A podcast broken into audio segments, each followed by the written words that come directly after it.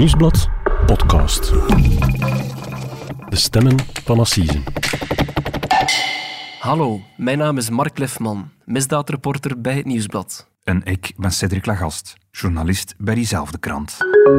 En dit is onze podcast, De Stemmen van Assise, waarbij we u meenemen achter de schermen van elk belangrijk proces. En vandaag hebben we het over de tiramisu-moord. Een man uit het Limburgse Alken staat terecht voor de moord op zijn vrouw, gepleegd met een potje tiramisu. Maar heeft hij die moord ook echt begaan?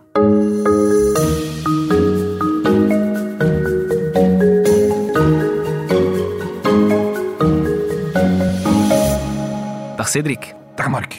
Cedric, eh, we gaan het vandaag eh, over een zeer bijzonder proces hebben. Een, eh, een proces dat deze week start in de Assisezaal van Tongeren. Ja. Een zaak die eigenlijk nog niet zoveel media-aandacht gekregen heeft. Ik heb er ook nog maar één artikel over geschreven, denk ik, eh, de afgelopen jaren. Maar zeker geen ja, oninteressant dossier, want er is een moord gepleegd met een potje tiramisu. Ja, een potje tiramisu met pillen in. Althans, dat is de stelling van het Limburgse gerecht. Dat is het dossier dat ze hier voor de rechtbank brengen. Het gaat over de dood van Annick Hazevoets. Dat is een, een 45-jarige verkoopster uit Alken die thuis onverwachts gestorven is. Het leek aanvankelijk een natuurlijk overlijden, ook voor haar familie eigenlijk. En het is bijna een jaar later dat het gerecht plots oordeelt dat het toch om moord ging. En ze beschuldigden haar man plots van die moord. Maar die echtgenoot die houdt nu al jaren zijn onschuld vol en zegt dat hij eigenlijk daar niks mee te maken heeft. Niets mee te maken heeft. Dus ja, een, een assiseproces waarbij dan de, de beschuldigde ontkent dat hij de moord heeft gepleegd, dat komt eigenlijk ook niet zo heel vaak voor. Nee. Ik herinner me natuurlijk wel nog de, de parachutemoord eh, in Tongeren. Voilà. Of misschien wel recenter de, de, de jeansbroekmoord in, in Leuven. Ja, ook een vrouw die zei dat ze er niks mee te maken had. Ja, maar goed, meestal is de bewijslast voor het Hof van Assisen toch, toch overweldigend groot, waardoor, ja, waardoor ze meestal niet anders kunnen dan toegeven. Ehm, Ja, en dat ze dan eigenlijk vooral, ja, de inzet van het proces is dan meestal de, de strafvermindering. Ja, klopt. Bij veel assiseprocessen staat de schuld eigenlijk al bij voorbaat vast. Hè. Vragen mensen zich ook af waarom moeten we daar nog zo'n groot proces over voeren. Maar bon, het gaat dan inderdaad eh, over de strafmaat. Hier niet. De inzet van het proces is, eh, is, gaat hier over schuld en onschuld. Is Annick Hazevoets op een sluwe manier vermoord door haar man en moet hij de gevangenis in? Of is het allemaal één grote rechterlijke dwaling en wandelt hij straks als een vrij man terug naar huis? Cedric, laten we misschien eh, bij het begin beginnen. Het overlijden van de vrouw dateert al van april 2016, dus eigenlijk al ja, een goede vijf jaar geleden. Ja, absoluut. Het, het hele verhaal draait eigenlijk rond één Limburgs koppel eigenlijk. Hè. Eh, Karel Boetten en Annick Hazevoets. Op dat moment een onbesproken getrouwd koppel veertigers. Ze wonen dus in, in het Limburgse Alken, in een vrij eenvoudig vrijstaand huis eigenlijk. Gewoon normale mensen eigenlijk. Gewoon normale mensen. eh, en alles verandert eigenlijk op een maandagnacht. Ze zijn die nacht, die avond, al om 9.30 uur gaan slapen. Maar even na middernacht wordt Karel Boetten, volgens zijn eigen verklaringen dan toch, plots wakker omdat zijn vrouw begint te schudden en te beven. Zeker echt dan een soort aanval of zo. Ja, wel, hij is wakker geworden doordat zijn vrouw eh, oncontroleerbare bewegingen begint te maken met haar armen. Ze schudt en, en ze slaat hem eigenlijk. En van, van een van die klappen eh, wordt hij wordt hij van wakker, wakker. ja. Ja, hij, hij ziet ook dat ze rare geluiden aan het maken is. Ze is een beetje aan het gorgelen, zegt hij. Het is niet echt in haar slaap spreken of zo. Hij doet het licht aan en hij ziet ook dat ze een, een vreemde kleur heeft. Dat daar, Er is dat iets grondigs mis. Ja, hij, hij beseft, mijn vrouw is een levensgevaar. En wat doet hij dan? Hij belt dan de hulpdiensten, veronderstel ik? Inderdaad. En er is ook een opname van die oproep naar de hulpdiensten. Zoals alle op, oproepen naar hulpdiensten worden automatisch opgenomen uiteindelijk. En, en op die opname hoor je dat Karel Botten heel duidelijk in paniek is. Hij zegt, mijn vrouw is aan het stikken, mijn vrouw krijgt geen adem meer. Hij roept dat bijna in de telefoon en de calltaker die moet hem zelfs een beetje aanmanen om kalm te blijven. Zo van, blijf een beetje kalm meneer. En op aanwijzen van die, van die, van die hulpverlener aan de telefoon begint hij eigenlijk met zijn vrouw te reanimeren. Want zo erg, erg is het. Ze moet al gereanimeerd worden. Maar zijn paniek lijkt niet gespeeld of zo. Het is een telefoongesprek natuurlijk, maar bo, op het eerste zicht, het is niet dat hij dood kan de ambulance belt. Nee. En dan komt de ambulance niet veel later daar eh, in die woning aan. Ja, de vrouw leeft nog als de ambulance arriveert. Die, die vrouw wordt uiteindelijk ook naar het, naar het ziekenhuis gebracht. Om één uur s'nachts komt ze binnen in het Virga Jesse ziekenhuis in Hasselt. Dokters proberen na- nog om haar te redden. En het is pas eigenlijk zanderdaags op woensdagochtend, dus meer dan 24 uur later, dat ze daar komt te overlijden. Dus die vrouw sterft. Maar goed, waaruit blijkt dan op dat moment dat er ja, mogelijk sprake is van moord? Maar op, op het eerste zicht is dat helemaal niet duidelijk. Ook die hulpverleners hebben niet het gevoel, denk ik, dat ze, dat, dat ze op, een, op, een, op een moord zijn gestoten. Het is eigenlijk pas de woensdagmiddag nog dat er een arts, een cardioloog uit dat ziekenhuis, eh, naar de politie belt. Niet omdat hij verdachte verwondingen of zo vindt op dat lichaam, maar wel omdat hij geen medische oorzaak kan vinden. Wil een- eigenlijk een lijkschouwing op dat lichaam. Een soort, soort buikgevoel misschien dan eigenlijk van die arts. Ja, Want ja, op, op zich, op dat moment is er nog altijd geen duidelijke aanwijzing dat er sprake is van een... Van, ja, van, Nee, maar we hebben al in een eerdere podcast, eh, De Perfecte Moord, zo heet die podcast, voor mensen die willen terugluisteren. We hebben daar al eens in uitgelegd dat er eh, specifiek in Limburg al sinds januari 2016 een heel bijzonder project loopt. Namelijk, het heet Draaiboek Verdacht Overlijden. En het komt erop neer dat elk verdacht overlijden moet onderzocht worden door een wetsdokter. Dus ook mensen waarbij op het eerste zicht niet echt... eh, eh, een mes in de rug prijkt bijvoorbeeld, of waar dat er schotbonden zichtbaar is, toch als, als, als dat een, een jonge persoon die sterft, dan moet dat onderzocht worden door een wetsdokter. En het doel is eigenlijk om te verhinderen dat moorden zouden worden weggemoffeld. Hè. En dit dossier is één eh, van de zaken die daarbij naar boven zijn gekomen. Ik kan me voorstellen dat als er ja, een, een moordonderzoek wordt opgestart, als er een verdacht overlijden wordt onderzocht, dan kan ik me voorstellen in dit dossier dat er dan meteen wordt gekeken naar de echtgenoot als, ja, als potentiële verdachte. Ja, absoluut. Er wordt ook meteen een huiszoeking uitgevoerd in een huis in Alken. Eh, en de man wordt uitvoerig ondervraagd. Hè. Wat is er precies gebeurd die nacht? En is er dan die fatale nacht ja, misschien iets aan vooraf gegaan? Niks bijzonders. Zegt de man althans, volgens zijn verklaringen. Eh, zowel hij als zijn vrouw zijn die dag gewoon gaan werken. Ze, hebben, ze, zijn die s'avonds nog op bezoek geweest eh, bij de ouders van Annick. Ook, ook, ook die hebben niks, Niks vreemds, vreemds gemerkt, opgemerkt, hè? hebben ze later aan de politie verteld. Nee, het koppel heeft daarna s'avonds thuis gegeten en ze hebben het daarna nog gezellig gemaakt. Ze hebben ehm, televisie gekeken in bed. Ze hebben in hun, in hun slaapkamer ook een televisie. Eh, ze hebben daar tv gekeken samen en ze hebben daarbij het dessert in bed gegeten. Hij zou een potje chocolamousse gegeten hebben en zij een potje tiramisu. En dit is natuurlijk dat potje tiramisu dat de afgelopen jaren heel veel aandacht heeft gekregen.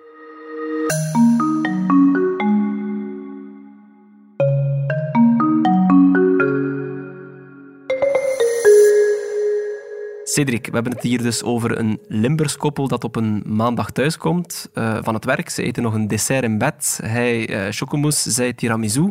En diezelfde nacht sterft de vrouw. Zeer bizarre omstandigheden. Maar goed, wanneer wordt het dan ja, een, een, moordverhaal?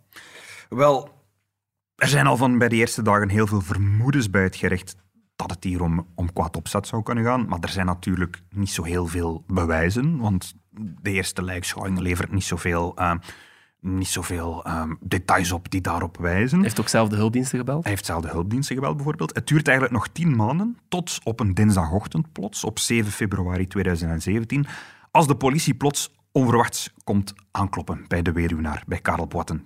Zijn huis wordt opnieuw doorzocht, hij wordt meegenomen, hij wordt ondervraagd, hij wordt ook aangehouden en naar de gevangenis gestuurd, op verdenking van moord op zijn echtgenote. Je zegt het, ja, tien maanden tijd zit daartussen.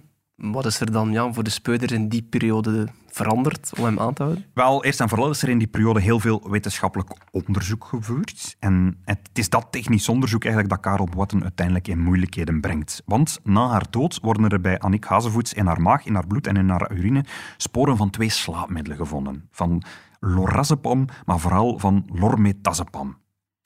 En er worden ook nog eh, eh, twee lege pakjes slaapmiddelen in de vuilnisbak van de badkamer gevonden van het huis. En dat is allemaal heel opmerkelijk. Slaapmiddelen zijn niet opmerkelijk, maar het is wel opmerkelijk, want de huisarts van het gezin had voor haar nooit slaapmiddelen voorgeschreven. Zij had eigenlijk geen nood aan slaapmiddelen. Wel voor haar man, voor Karel Boatten. Maar dat voorschrift was ook alweer anderhalf jaar oud. We weten, het slachtoffer is gestorven na het eten van het potje tiramisu. Ja, kan dus, we kunnen dus veronderstellen dat die slaapmiddelen dan in het, in het dessertje zijn gedraaid. Wel, in maart 2017 worden de potjes chocolademousse en tiramisu onderzocht. En effectief, in dat laatste dessert, in de tiramisu, blijken inderdaad sporen van dat laatste slaapmiddel lormetazepam te zitten. die tiramisu, dat potje, heeft hij dat dan... Heeft, heeft, heeft Karel Boatten dat zelf gemaakt? Heeft hij dat gekocht in de winkel? Of? Het komt eigenlijk vanuit onverdachte bron, eigenlijk. Karel Boaten is een arbeider in een fabriek, uh, maar daarnaast heeft hij nog een bijbaantje. In het weekend werkt hij namelijk als kelner voor een grote feestzaal. En de zaterdag voordien heeft hij ook in die feestzaal gewerkt. En achteraf, als hij gedaan had met werken, mocht hij van de kok uh, wat van het dessert meenemen. Dat was overgebleven. Er was nog een de groot... restjes. Ja. De restjes, er was nog een grote pot chocolademousse en een grote pot tiramisu over. En heeft eigenlijk van elks een klein potje gewild. Hij heeft twee kleine potjes genomen, heeft een beetje chocolademousse overge overgeschept, een beetje tiramisu en heeft dat mee naar huis genomen. Nu, van de rest van die chocolademousse en van die tiramisu is veel gegeten en er is nergens klachten over gekomen. Dus met de tiramisu zelf, in feite, was niks mis. Maar wat ik me afvraag, als je dan zo'n ja, zo'n zo'n potje tiramisu eet met slaapmiddelen, proef je dat dan niet meteen, dat daar iets mis mee is? Wel, lormetazepam, dat blijft geur- en smaakloos te zijn. Dus je proeft Ah, het ja. niet. Nee. Ehm, er beur- gebeurt veel onderzoek op die tiramisu, heel veel onderzoek. En de uiteindelijke conclusie, na vele jaren onderzoek, is eigenlijk dat er minimum 10, maar vermoedelijk 25 tot 30 van die pillen lormetazepam in dat potje kunnen hebben gezeten. Eigenlijk hoeveel precies, de experts weten het niet precies, omdat ze moeten voortgaan op wat ze nog in het lichaam vinden. En daarvan is ook al een deel verteerd, dus ze kunnen eigenlijk niet meer zeggen hoeveel dat er gebruikt is. Maar 20 tot 30 slaappillen in één dessertje, dat lijkt me toch ja, een gigantische hoeveelheid. En ja, misschien toch ook wel een dodelijke hoeveelheid dan. Ja. Nou ja, zou je denken, maar eigenlijk niet. Dat is het opmerkelijke. De experts stellen eigenlijk dat een overdosis van lormetazepam dat dat niet gezond is, maar dat het niet per se dodelijk is. Je valt er niet van in een coma of zo. Daar, daar is in, in het verleden al veel onderzoeken naar gedaan, ehm, ook door de, door de, door de farma-industrie. Wel, wel is het zo dat je daar te veel pillen van neemt, dat je uiteraard slaperig ervan wordt. Het is een Als slaapmiddel. een blok in slaap vallen meteen. Ja. En dat het bijvoorbeeld daarna makkelijker is om iemand te versmoren. Dat is een van de pistes die op tafel liggen. Iemand die een slaapmiddel genomen heeft, het is makkelijk om die persoon daarna bijvoorbeeld met een kussen eh, Ja. te verstikken.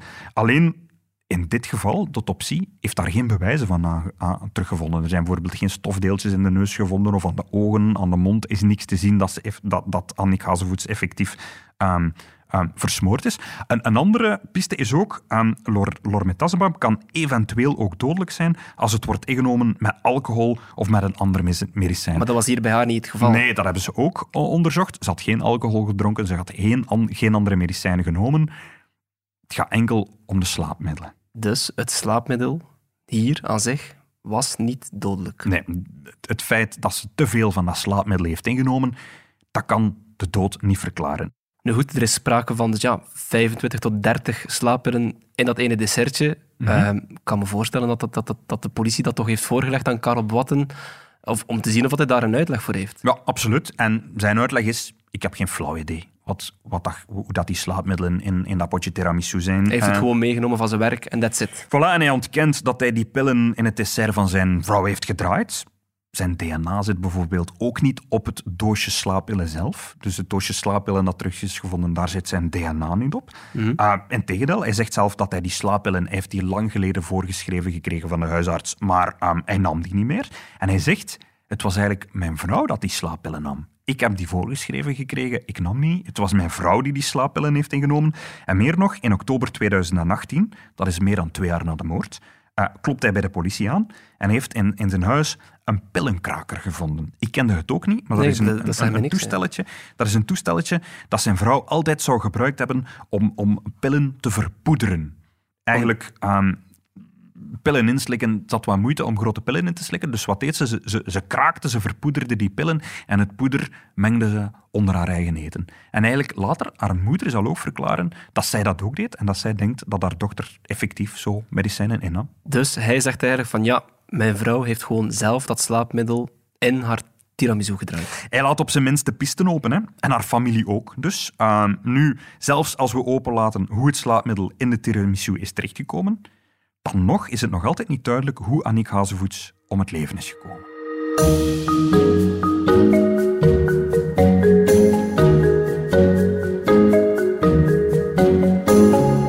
Cedric, dus het, eh, het gerecht in Limburg vermoedt dat Karel Boatten iets te maken moet hebben met de, met de dood van zijn vrouw Aniek. Ehm, Maar goed, vermoedens alleen zijn niet genoeg, denk ik. Dan, ehm, ze moeten toch op zoek gaan naar een motief. Klopt, en dat motief dat biedt zich niet onmiddellijk aan, want zoals gezegd, het is een, een onbesproken koppel eigenlijk. Een, een bewust kinderloos koppel ook. Ze zijn 22 jaar getrouwd, ze hebben alle, allebei een, een, een vrij normaal leven gehad. Ze hebben ook normaal werk eigenlijk. Hij is dus fabrieksarbeider. Uh, zij is verkoopster geweest in een aantal winkels. Ze heeft in een bakkerij gewerkt, in een bloemenwinkel, in een lingeriezaak. En op het moment van haar dood uh, werkte ze bij een gerechtsdeurwaarder. Alle werkgevers zijn eigenlijk over allebei um, zeer lovend. Eigenlijk niets raars op aan te merken. Op. Nee, ze hebben elkaar ook leren kennen op een rommelmarkt. Maar er is wel iets dat al heel snel naar boven komt, dat er toch uitspringt, en dat is hun seksleven. Dat van hem of van haar? Um, allebei eigenlijk. Hij blijkt bijvoorbeeld een aantal buitenechtelijke affaires te hebben gehad. Op het moment bijvoorbeeld dat de politie na het overlijden van Annick Hazevoets een huiszoeking uitvoert in zijn huis, is daar een andere vrouw. Een collega die ook in de, in de feestzaal werkt en met wie hij al een aantal jaren een relatie blijkt te hebben. Een soort minnares dan? Een minnares, ja. En als ze zijn computer doorzoeken, vinden ze 82 stiekem opgenomen video's waarop te zien is hoe hij seks heeft met nog drie andere vrouwen, allemaal tussen 2010 en 2017. Dus tijdens ah. de periode dat ze getrouwd waren ook. Voilà, ja, absoluut. En hij heeft dus een bijbaantje als ober, waarin dat hij, uh, waarbij dat hij in contact komt met andere vrouwen. Maar hij blijkt nog een bijbaantje te hebben, namelijk is masseur ook. En hij ontvangt vrouwen die hij dan masseert. Als je het zo hoort, dan, dan lijkt er sprake van overspel kan me voorstellen dat dat een, misschien een mogelijk motief is.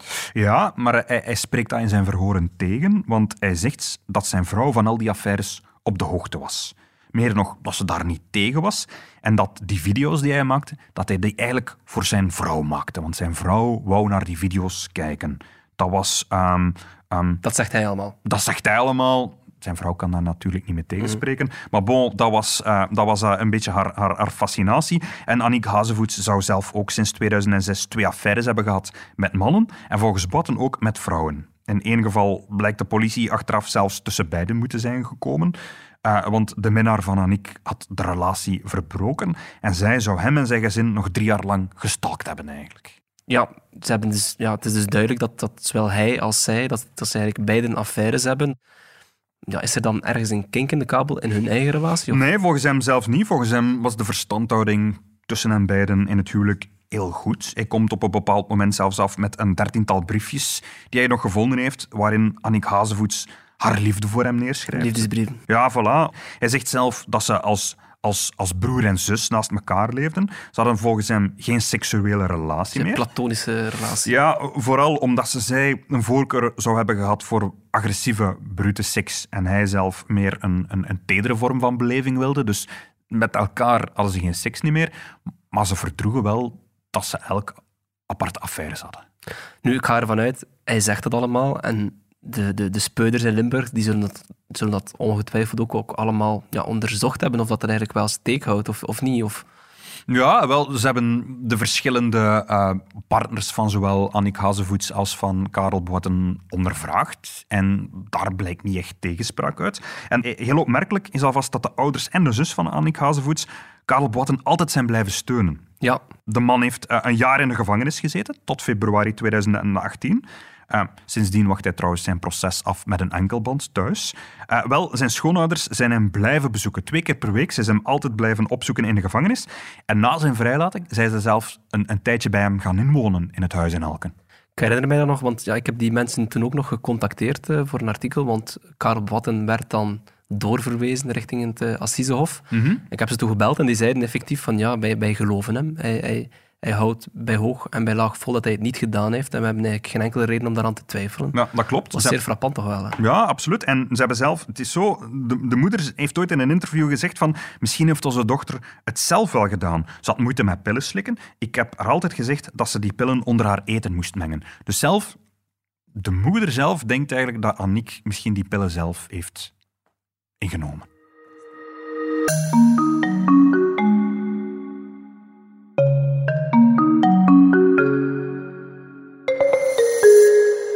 Cedric, um, Karel Bewatte staat vanaf deze week terecht op verdenking van de moord op zijn vrouw Annick Hazevoets. Um, nu, we hebben uitgebreid gesproken over het, het, slaapmiddel dat, dat teruggevonden is in het uh, potje tiramisu. Mm -hmm. Maar goed, veel meer blijkt er dan niet te zijn in dat dossier tegen hem. Of, of, of is er nog iets anders? Wel, er zit nog iets anders in het dossier dat op het proces volgens mij veel aandacht zou kunnen krijgen, namelijk een test met een leugendetector. Karel Botten is in februari 2017 aan de polygraaf gekoppeld. Dat is een, uh, een moeilijk woord voor leugendetector. Men heeft hem toen drie keer gevraagd, hebt u Annick slaapmedicatie toegediend? Hij heeft uiteraard drie keer nee geantwoord. Maar er is telkens als een leugenachtige reactie gezien. Dat... Uh, heeft toen ook tot zijn aanhouding geleid. Het is na die test met die leugendetector dat hij toen een jaar in de gevangenis is gevlogen. Uh, goh, en, en, hoewel de test met de leugendetector in veel landen geen bewijswaarde heeft, zal dit volgens mij in de assises toch met het nodige gewicht worden neergezet. Dat gebeurt vaak in de assiseprocessen. We zien uh, dat er altijd discussie is rond uh, ja, dat, dat er believers zijn en non-believers. Hmm? Maar goed, je zegt hier, ja, er is geen bewijswaarde. Waarom? Wij, wij kunnen, we kennen allemaal, denk ik, de leugendetector uit Amerikaanse films, hè, waar, waar dat dan uh, verdachten uh, aan de leugendetector worden gehangen. Maar in de VS zelf mogen resultaten van polygraaftesten eigenlijk niet gebruikt worden in de rechtszaal. En in veel landen eigenlijk niet. En België is eigenlijk een van de weinige landen ter wereld waar testen met een leugendetector wel tot in de rechtszaal geraken. In theorie moet dat altijd met de nodige omkadering gebeuren. Het mag bijvoorbeeld wettelijk gezien alleen als ondersteunend bewijs gebruikt worden.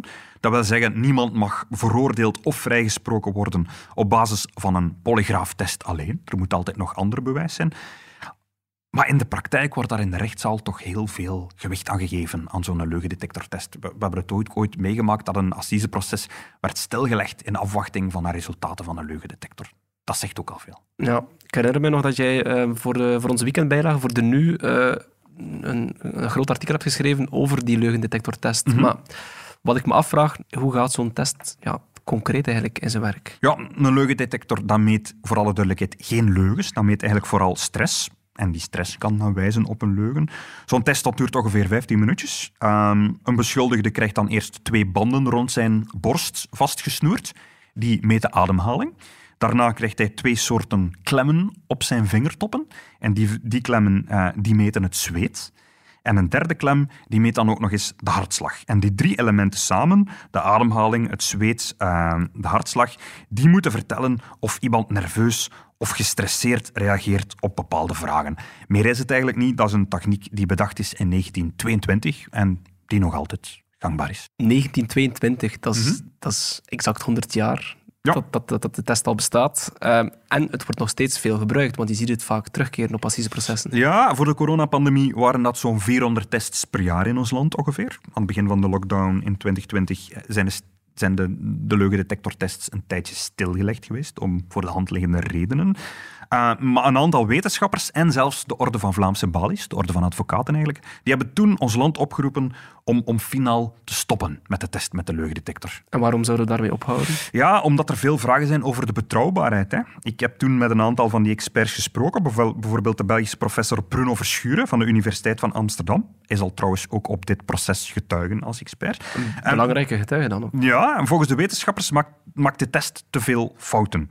In een kwart van de gevallen is het resultaat niet correct. En het, het, uh, het probleem ligt niet zozeer bij leugenaars. Meer nog, als iemand liegt, dan wordt, hij, hij vrij makkelijk, uh, wordt vrij makkelijk aangetoond dat die persoon aan het liegend is. Het probleem ligt eigenlijk bij onschuldige mensen, die toch als leugenachtig worden aangeduid. Onterecht dan? Ja, vals positieven heet dat dan. En die, die aantallen schommelen naar gelang het onderzoek tussen de 10% en zelfs de 24%. Dat, wordt, dat wordt het Othello-effect genoemd. En dat komt erop neer dat mensen nerveus zijn door de hele setting, door de hele context. Ze moeten bij de politie komen, ze worden daar door politie ondervraagd, ze worden aan een machine gekoppeld. En, en door heel die situatie worden ze al nerveus.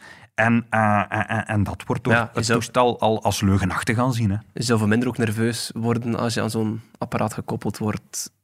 Zijn er al veel problemen geweest ook? Wel, een heel bekend voorbeeld is de zaak Elke Wevers. Dat is een Limburgse die in 2010 verdwenen is. Um, ze woonden toen samen met een man en die vriend die is uh, in 2011, een jaar na verdwijnen, ook aan een, aan een leugendetector uh, gekoppeld. En die heeft toen een slechte polygraaftest afgelegd en is drie maanden in de gevangenis opgesloten op verdenking van de moord. En uiteindelijk moeten we nu vaststellen... Heeft er niets mee te maken? Hij is daar nooit voor vervolgd geweest. Er is nooit een proces geweest. Uh, de zaak staat nog altijd open en er is eigenlijk niemand die er nog van uitgaat dat die vriend iets met haar verdwijning te maken heeft. Waarom blijven ze dan in, in ons land ja, geloven in die, in die polygraaftest? Waarom, waarom, waarom wordt die nog steeds gebruikt? De politie legt natuurlijk niet zomaar iemand aan een leugendetector. Ze gaan ervan uit dat die, dat die, dat die persoon schuldig is. En als hij ontkent, gaan ze ervan uit, uit, ook uit dat hij liegt. Maar de politie boekt er vooral resultaat mee omdat de hele situatie dus indruk maakt op een verdachte en het soms aanzet tot een bekentenis. Van de 430 tests die de politie in 2018 afnam, leidden er 28 tot een bekentenis. En dat is natuurlijk ook een heel belangrijk resultaat voor de politie. Hè? Als je 28 zaken kunt oplossen met een bekentenis, ja... Elke zaak is gewonnen dan. Absoluut. Cedric, het proces start deze vrijdag in Tongeren en zal ongeveer een week uh, duren, denk ik. Mm Karel Bwatte staat terecht voor moord. We weten dat is ja, doodslag met voorbedachtheid. Mm Het parket is redelijk uh, zeker van zijn stuk en gaat dus echt uit van die moord. Hè. Ja, maar opvallend, uh, Karel staat niet terecht wegens gifmoord, artikel 397. Dat is hier ook al een paar keer gepasseerd in onze podcast. Bijvoorbeeld met Ferre, het jongetje dat overleden is Door met Eter. Eter ja. Voilà, en ook onze allereerste podcast over uh, de dood van Tine Nijs.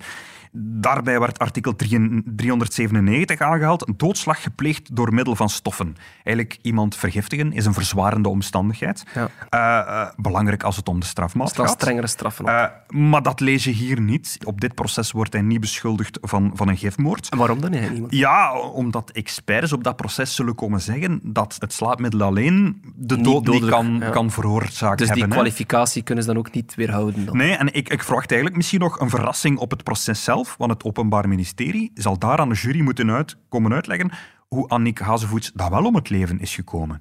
Is het dan gebeurd door versmoring, verstikking? Um, dat zullen we daar moeten horen. Zeer bijzonder proces. Um, wie zijn de advocaten in deze zaak?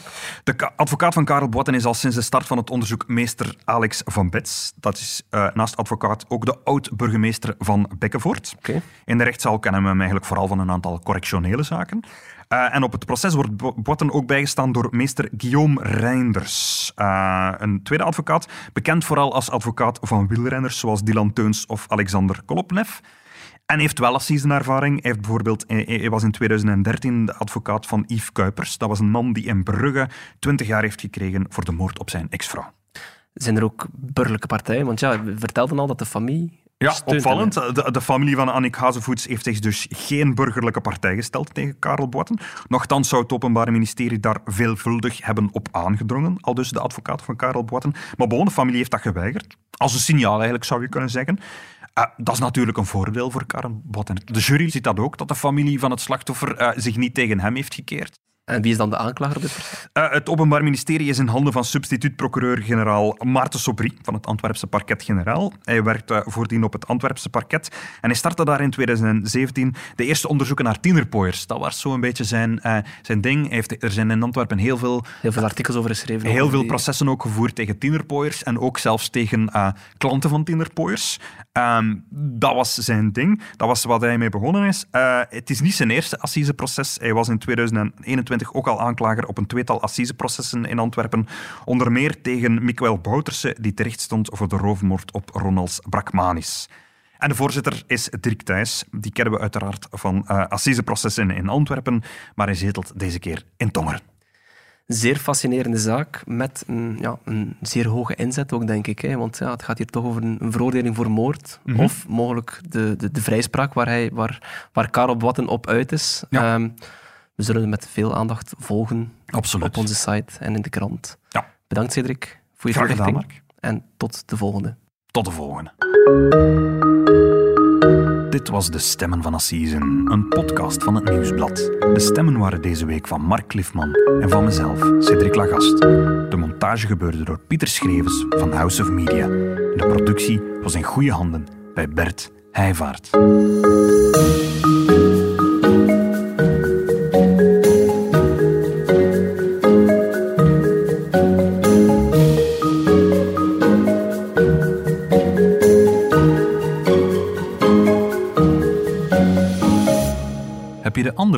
Podcasts van het Nieuwsblad al beluisterd?